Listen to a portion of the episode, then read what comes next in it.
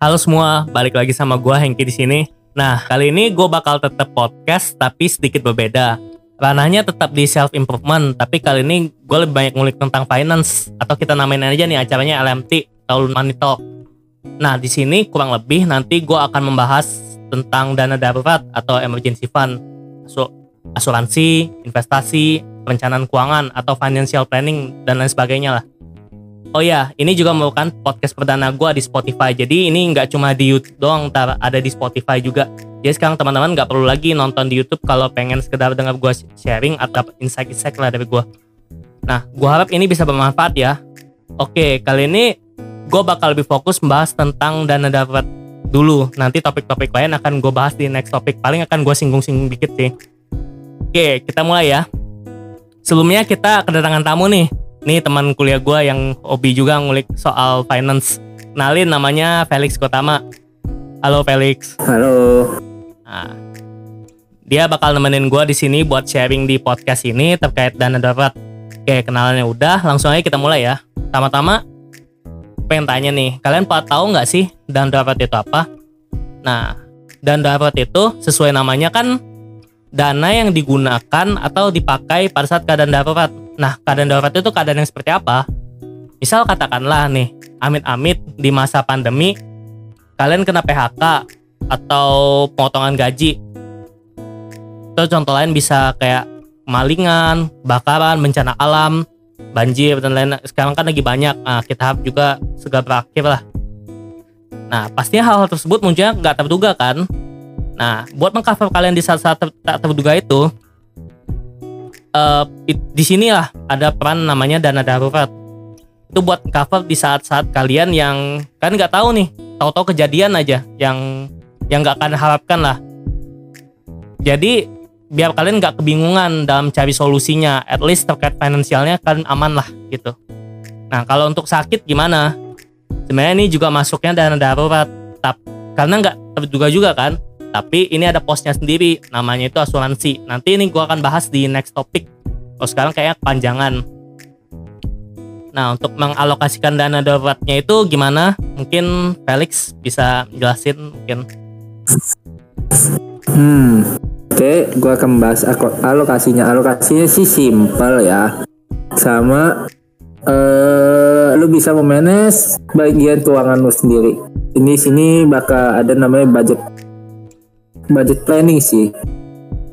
Kita harus tahu itu budget planning apa dulu sih baru bisa tentuin alokasi berapa sih yang harus gue kumpulin di dana daruratnya. Simple aja nih budget planning itu apa? Budget planning itu ya eh, tata kelola keuangan lu yang harus spending dari pendapatan apa pendapatan per bulan lu. Jadi kalau misalnya pendapatan per bulan lu sekian lu spending apa aja lu catet dan lu catat dan lu uh, lakukan itu tiap bulan. Itu aja sih. Nah, ini gue bakal kasih excelnya sih nanti. Bakal mungkin Hengki akan nyantemin di YouTube. Ya nanti ya, linknya? akan di description ada ntar kalau kalian mau lihat sana. Ini. Jadi gue akan kasih lihat sedikit saja apa itu yang ada di dalam budget planning Oke, ini yang bakal gue kasih sih nanti uh, ini kalian isi yang warna kuningnya aja. Uh, isi aja warna kuningnya. Ini total aset yang kalian punya. Uh, ya termasuk dalam kas lancar itu apa? Ini bakal ini harusnya udah jelas sih uang pegangan depositonya apa tabungannya apa. Ini dana daruratnya kalau nggak ada itu saya nol ya. Sisanya sisanya ya kan isi sendiri. Nah ini yang namanya budget planning. Dari pendapatan kalian kayak spending berapa per bulannya tiap bulan kayak lakuin gitu-gitu aja terus. Kalau misalnya ada yang bocor berarti budget planning ini gagal. Kayak harus buat lagi yang baru. Tiap ada yang bocor gagal buat lagi yang baru. Dan syaratnya kalau emang nggak bocor lagi lakuin sama tiga bulan. Kalau nyaman ya udah. Berarti kamu cocok dengan budget plan itu. Itu sih.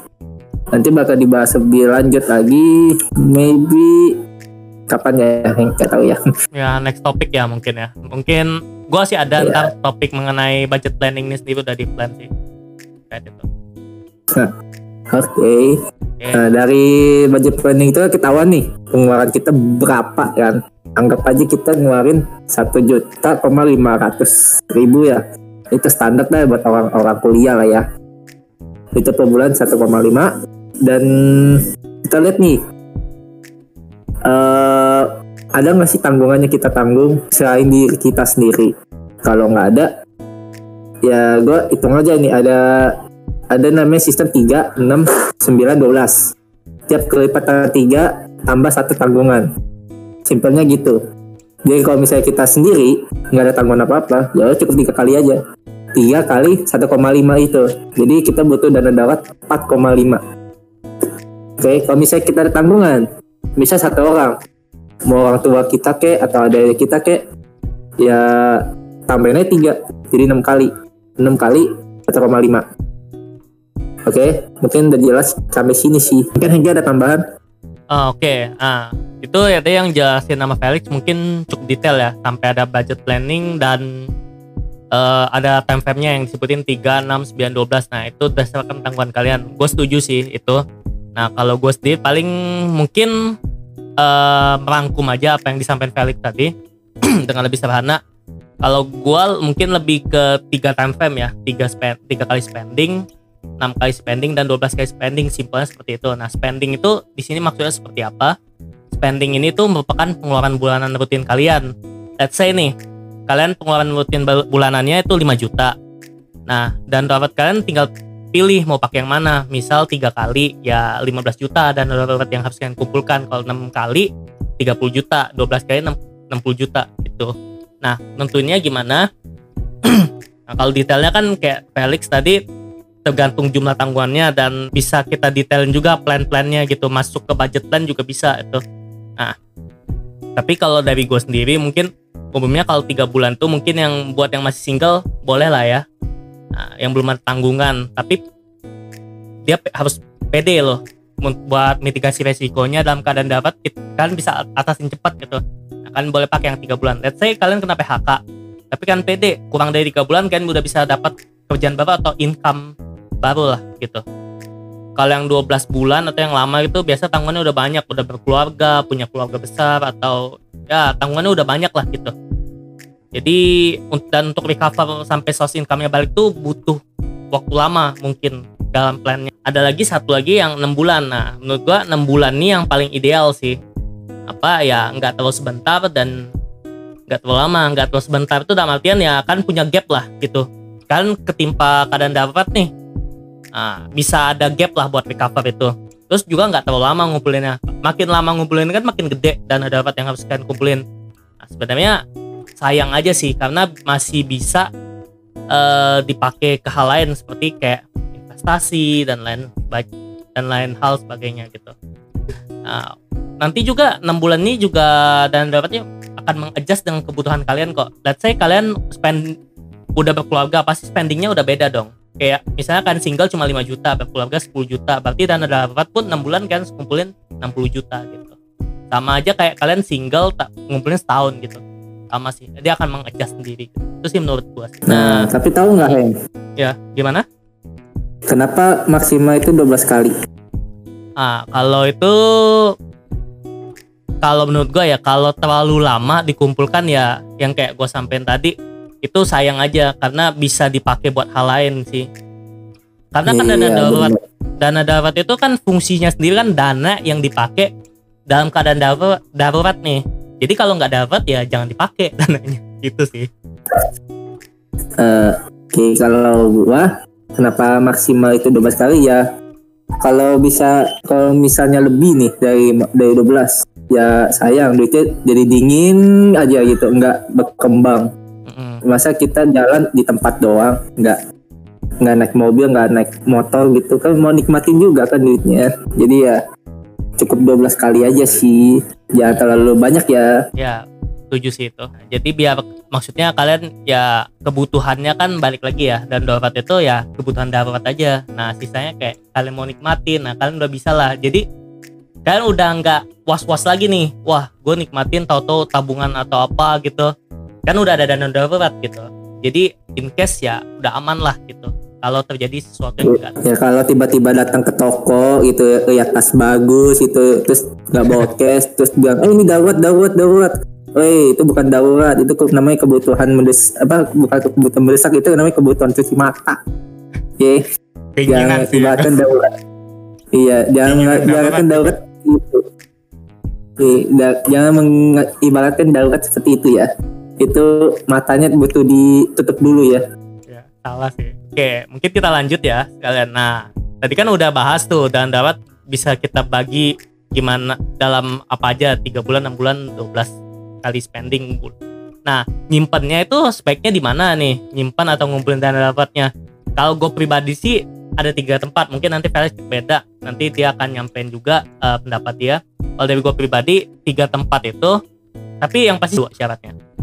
Harus liquid atau gampang cair terus dia bisa ditarik kapan aja. Dan nilainya itu nggak fluktuatif. Maksudnya nggak fluktuatif gimana? Nggak naik turun gitu. Naik sih nggak apa-apa. Kita seneng naik. Kalau turun kan lagi butuh duitnya. Eh dan dapatnya nggak cukup. Nah itu yang bahaya. Makanya tempat yang gue saranin cuma ada tiga sih. Yang pertama itu ya tabungan lah. Sometimes kita nggak perlu ribet-ribet lah mikirin mau nyimpen dan dapat di mana. Back to klasik aja. Dari dulu juga udah ada sih konsepnya sebenarnya. Dan nyimpennya juga di tabungan ini jadi lumayan lum- lumrah dan umum metodenya digunakan. Resikonya hampir gak ada cuma kalau tabungan ya amit-amit hilang sih. Maka kemungkinan kecil banget tuh. Atau valuasinya turun nih. Ini sih yang biasa jadi resikonya valuasinya turun kegerus sama inflasi. Nah gimana kita ngatasin biar nggak kegerus inflasi? Yang kedua ada alternatif lain nih. Pakai deposito. Deposito itu sama kayak tabungan. Dia ada suku bunganya juga. Cuma lebih aman karena suku bunganya lebih tinggi dulunya sih dia bisa lah setara nama inflasi. Cuma karena saat ini ya lagi kondisi pandemi atau apa kita lagi turun kan suku bunga juga. Ya menurut gua pribadi ya agak kurang worth it aja. Cuma masih bisa sih kalau emang mau alternatif nyimpan di sini gitu. Eh gua sebagai contoh gue juga ada deposito dulu. Ah, itu kisaran bunganya untuk sekarang itu cuma 3 sampai empat setengah persen per annual. Padahal dulu itu bisa 6 persen sampai 7 persen bahkan. Nah sebenarnya kalau logika ya katakanlah dana darurat ini kan kalian ngumpulin makin lama kalian ngumpulin misalnya taruhlah kan dapatnya pakai 10 tahun lagi. Spending kalian kan saat ini dan 10 tahun lagi akan beda gitu. Logikanya juga pendapatan kalian makin gede spending makin gede dana daruratnya juga makin gede. Jadi harusnya nggak terlalu ngefek banget lah inflasi ini. Kecuali yang tabungan tadi ya karena em- emang kecil banget gitu. Nah kalau memang terus ada solusi lain lah atau alternatif lain? Kan tadi baru dua tuh. Nah satu lagi kalian bisa nyimpan dan dapat kalian tuh di reksadana pasar uang atau FTPU nah itu kan investasi. Nggak juga sih sebenarnya. Bisa FTPU itu emang instrumen investasi tapi dia itu low risk dan bisa bilang liquid lah. Eh returnnya itu nggak gede-gede amat karena memang ya dia fungsinya ya itu buat apa ya buat mirip-mirip kayak buat nabung deposito lah gitu FTPU itu nah nanti gue juga akan bahas di next topic investasi itu instrumennya apa aja berdasarkan risk sama tujuannya sih nah untuk nabung RTPU ini di mana kan bagi yang awam mungkin belum tahu RTPU atau nabung reksadana itu gimana sih caranya Nah, sebenarnya kalau zaman sekarang tuh udah gampang banget nih. Kalau dulu kan mungkin harus ke manajer investasi atau ke bursa efek gitu buat ngecek manajer investasi apa aja yang itu. Nah, sekarang itu udah ada aplikasinya. Kayak contoh ada Bibit, Bareksa, Ajaib. Yang lain juga ada sih, cuma yang paling umum itu sih yang biasa dipakai. Tergantung kalian sukanya di mana gitu. Tinggal daftar aja dan beli RTPU-nya. Udah, itu jadi dana, dana darurat kalian ikutin panduannya sih nggak sulit atau perlu mungkin nanti gue bikinin tutorialnya gitu di YouTube misalnya. Nah, info, sedikit sekedar info aja, gue sendiri pakai bibit kalau kalian mau referral code-nya ada itu lunatic ice tinggal diketik aja. Oh, itu dari gue sih. Nah, mungkin dari Felix gimana? Mungkin ada pendapat lain soal nyimpen DD ini sebaiknya di mana gitu. Oke, eh, dari gua sendiri nih. Kan kalau lu cuma dari aset pengeluaran ya, dilihatnya kan buat apa ya eh, total dana daruratnya cuma dari, dari situ. Ibaratkan coba lu lihat dari sisi total aset yang lu punya. Let's say lu punya 100 200 juta. 100 jutanya merupakan dana darurat, Bu. setengah dong setengah doang dan itu lu taruh di LDPU doang ya misalnya lu taruh di LDPU doang itu LDPU jalannya kan sangat lelet ya kayak siput ya ibaratkan Iya, karena ya low risk lah. Eh, eh, sayang dong setengah aset tuh yang harusnya bisa berkembangin lagi tap- tapi cuma bisa berkembang sedikit doang Hmm.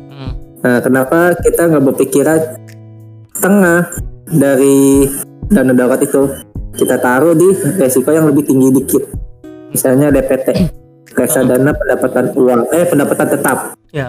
yang isinya merupakan eh, obligasi obligasi obligasi itu apa? Itu surat utang. Bisa dari pemerintah perusahaan atau eh, instansi-instansi lainnya sih.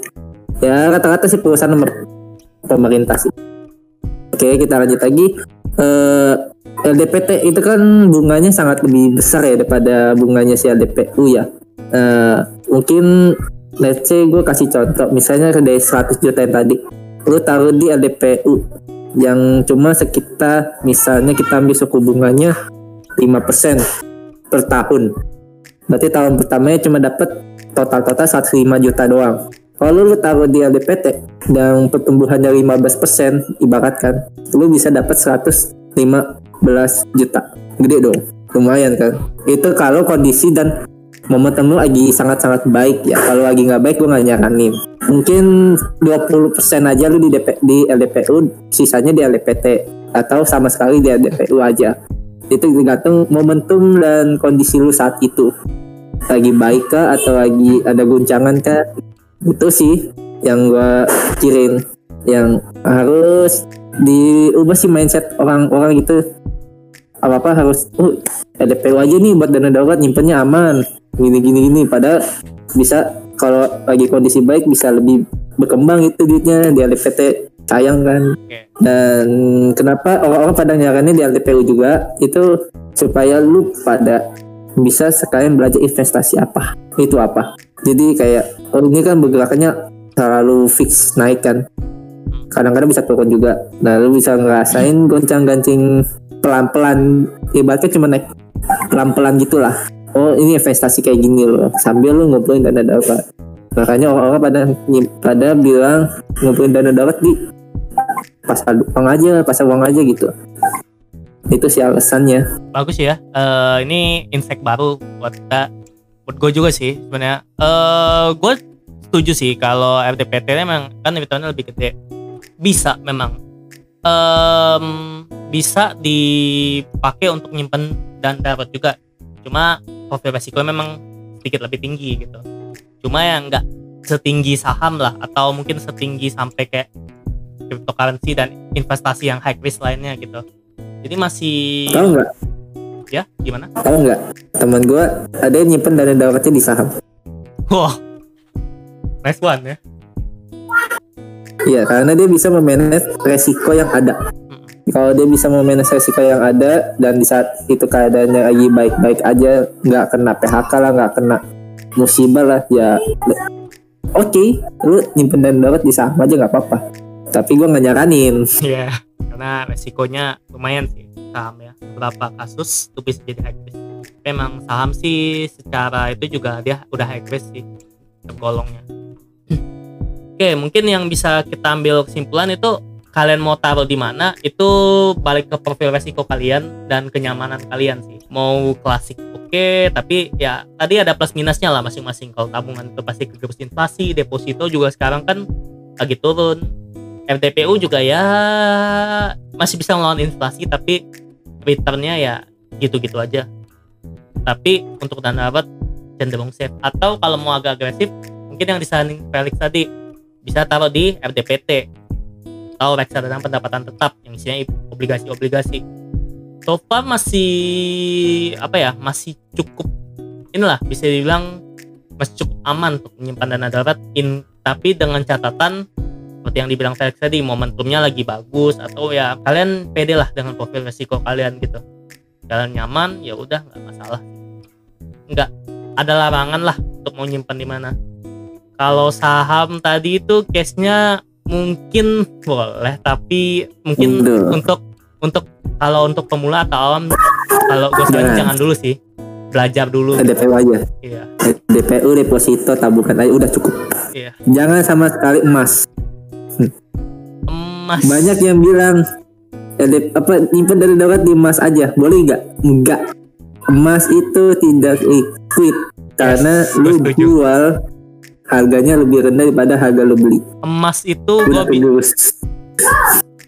emas itu gue bilang ya bisa bilang alat investasi juga sih jangka panjang karena nilainya ya cenderung stabil ya dia akan naik tapi ya jangkanya panjang let's say 10 tahun 15 tahun ya tapi kalau kalian mau beli emas dan ngarepnya bulan depan kan jual ya bisa turun jadi nggak selalu nilai emas tuh walaupun stabil nggak tiap hari naik bisa turun dalam kondisi kondisi tertentu oke itu mungkin dari gue mungkin dari Felix ada mau disampaikan lagi Eh, enggak sih. oke Udah nggak ada. Oke, mungkin gue nyimpulin dikit ya. Jadi dana darurat itu perlu eh kenapa gue sampein di awal ini sebelum kita masuk ke financial planning. Tadi sempat disinggung bentar sih kayak financial planning, investasi, asuransi gitu. Karena dana darurat ini ya fundamental. Sering kali orang lupain gitu. Pas udah kejadian baru tuh dicari. Wah, gak ada dana darurat nih. Pusing tujuh keliling. Akhirnya kejerat lah di pinjaman, hutang dan lain-lain. Oke, kalau kalian bisa manage-nya sih, oke, gue singgung sedikit ya tentang masalah utang ini. Kalau kalian bisa manage-nya utang, utang kan terbagi jadi dua nih. Ada utang produktif dan utang konsumtif. Nah, kalau kalian bisa manage-nya, ya nggak ada masalah sih dengan mau produktif, konsumtif juga oke. Cuma kalau kalian nggak bisa manage dan jadi masalah yang berkelanjutan atau berkepanjangan, nah di situ yang akan jadi masalah. Ya lebih baik kalau memang case-case yang dapat gunakanlah alokasinya di dana darurat itu. Oke, mungkin sekian podcast hari ini. Eh, semoga bermanfaat buat kita semua. Eh, kita di sini sharing. Kalau kalian ada saran lain yang mau disampaikan, boleh di YouTube ya. Atau kalian mau dengerin di Spotify sambil di kereta gitu, mungkin ya sambil merenungkan lah gitu. Oh, gimana untuk perencanaan keuangan yang lebih baik ke depannya. Oke itu sekian dari gua. Thank you yang buat udah nonton. Ketemu lagi di next podcast ya. Bye.